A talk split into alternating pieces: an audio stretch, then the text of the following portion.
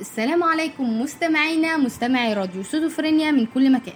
معاكم دينا عبد الله في برنامجكم الخوارق. وزي ما إحنا عارفين إن تاني حلقة من كل شهر هتتكلم عن مرض نادر أو هتتكلم عن متلازمة غريبة. والمتلازمة اللي أنا حابة أتكلم عنها النهاردة هي العبقرية المكتسبة. بس حابة قبل ما أتكلم عن المتلازمة الغريبة دي حابة أذكر شخص آه، يعتبر هو مش من المتلازمة دي بس يعتبر عنده العبقرية دي أو بالعكس هو اتولد بيها اتولد بيها لسبب علمي نادر وهو كيم بيك كيم بيك اتولد أو أطلق عليه قبل ما هو يتولد أصلا أطلق عليه آه، هو كان بيطلق عليه كمبيوتر ماشي على الأرض أو بالعكس كان بيتفوق على أجهزة الكمبيوتر لدرجة إن هما سموه جوجل البشري رغم إن هو كان. بيعرض لك أهم الإجابات من غير تدوير كتير يعني كان يعتبر أسرع من جوجل. طبعا كيم بيك آه ولد طبعا آه وهو عنده تشوه في المخ وعنده ضمور لدرجة إن الجسم الثفني وده إحنا اتكلمنا قبل كده عليه في الحلقة آه، بتاعة متلازمة اليد الغريبة الجسم السفني هو اللي بيربط الجزء الأيمن من المخ والجزء الأيسر. غياب الجسم السفني أدى إلى إن هو أما اتولد راسه كانت كبيرة بسبب غياب ال- الجزء اللي هو الجسم السفني اللي بيربط ما بين الدماغ أو المخ الأيسر والأيمن.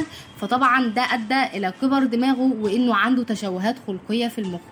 وطبعا اللي هو باباه لما راح كشف بيه عند الدكتور آه، بسبب وجع راسه دماغه قال له إنه ابنك هيموت بعد كذا يوم.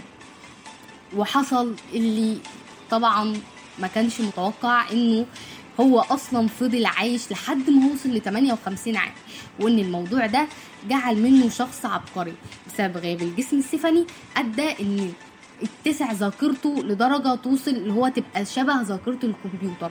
كان بيحفظ الكتاب في ساعة.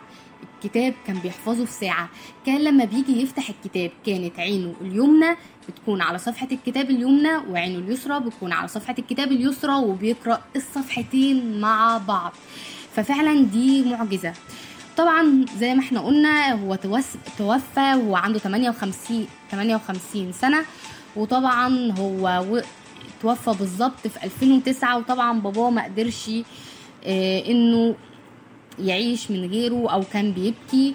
وبعد خمس سنين لحقوا باباه وده كان في 2014 طبعا كانت حياة آه، بيك أو حياة كيم بيك بباباه كانت متعلقة جدا. كان باباه بسبب إن هو ما بيقدرش يتواصل مع الناس وإنه ما بيقدرش آه، زي عندنا كده عندوش حياة اجتماعية وما بيعرفش يتواصل مع أي حد غير باباه.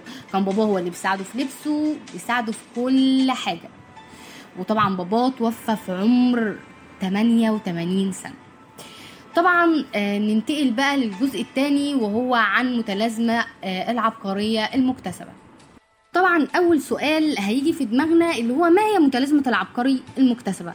أو متلازمة العبقري المكتسبة طبعا إحنا عارفين يعني إيه عبقري. عبقري هو شخص مصاب آه، باضطرابات عقلية مثل مثلا مرض التوحد. طبعا مكتسبة دي سموها بسبب إن الشخص ما بيولدش بيها بالعكس هو بيكتسبها وده بيكتسبها نتيجة حادث أو آه، نتيجة ضمور في المخ أو أزمة دماغية. وطبعا دي أكترية الحالات.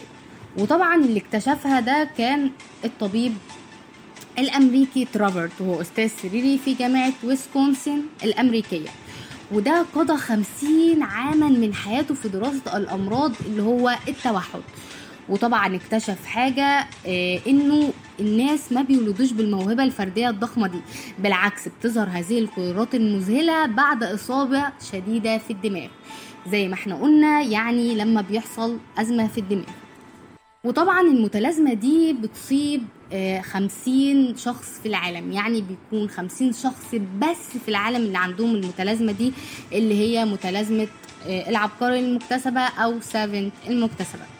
وطبعا المتلازمة دي بتصيب الذكور أكتر من الإناث وفي عام 2010 أصدر ترافلت كتابا بعنوان جزيرة العبقرية عشان يشرح فيها إزاي آه، بيتم اكتساب أو التوحد المكتسب ده بيظهر.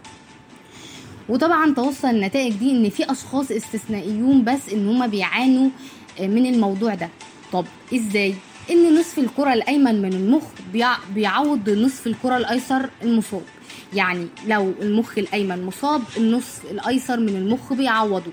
ولو النصف الأيمن مصاب النصف الأيسر بيعوضه. بتظهر المجالات مختلفة زي موسيقى فن حساب رياضيات أو المهارات الميكانيكية.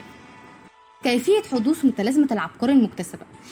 طبعا كان في رأي تاني وهو الأستاذ بيريت ده أستاذ في علم الأعصاب في مركز الديناميكا العصبية بجامعة ميسوري سان. المتلازمة سافنت المكتسبة أو متلازمة العبقري المكتسبة بتكون ناتجة عن إعادة امتصاص الناقلات العصبية التي دمرت جزئيا أثناء الإصابة وإعادة الأسلاك العصبية للمخ وده كله بيسمح للمهارات دي بالظهور. وطبعا العلماء بيبتدوا إنهم يحاولوا أو بيحفزوا اللي هو بتحفيز مغناطيسي منخفض التردد ده يعني حاجات مغناطيسية إنهم يبتدوا يوجهوا بيها المخ عشان يطلع المهارات دي. لأن طبعا لو في مهارات زي دي موجودة سواء في الحساب أو سواء زي ما ذكرنا كيمبيك فأكيد هتفيد البشرية جدا. ده غير إن كيمبيك أصلا كان آه، أفاد آه، وكالة ناسا في أنها تصنع كمبيوتر بنفس دماغه ودي كانت آه، حلقتنا النهاردة وأتمنى تعجبكم وبإذن الله نشوفكم في حلقة جديدة من برنامجكم الخوارق. دمتم في رعاية الله وحفظه.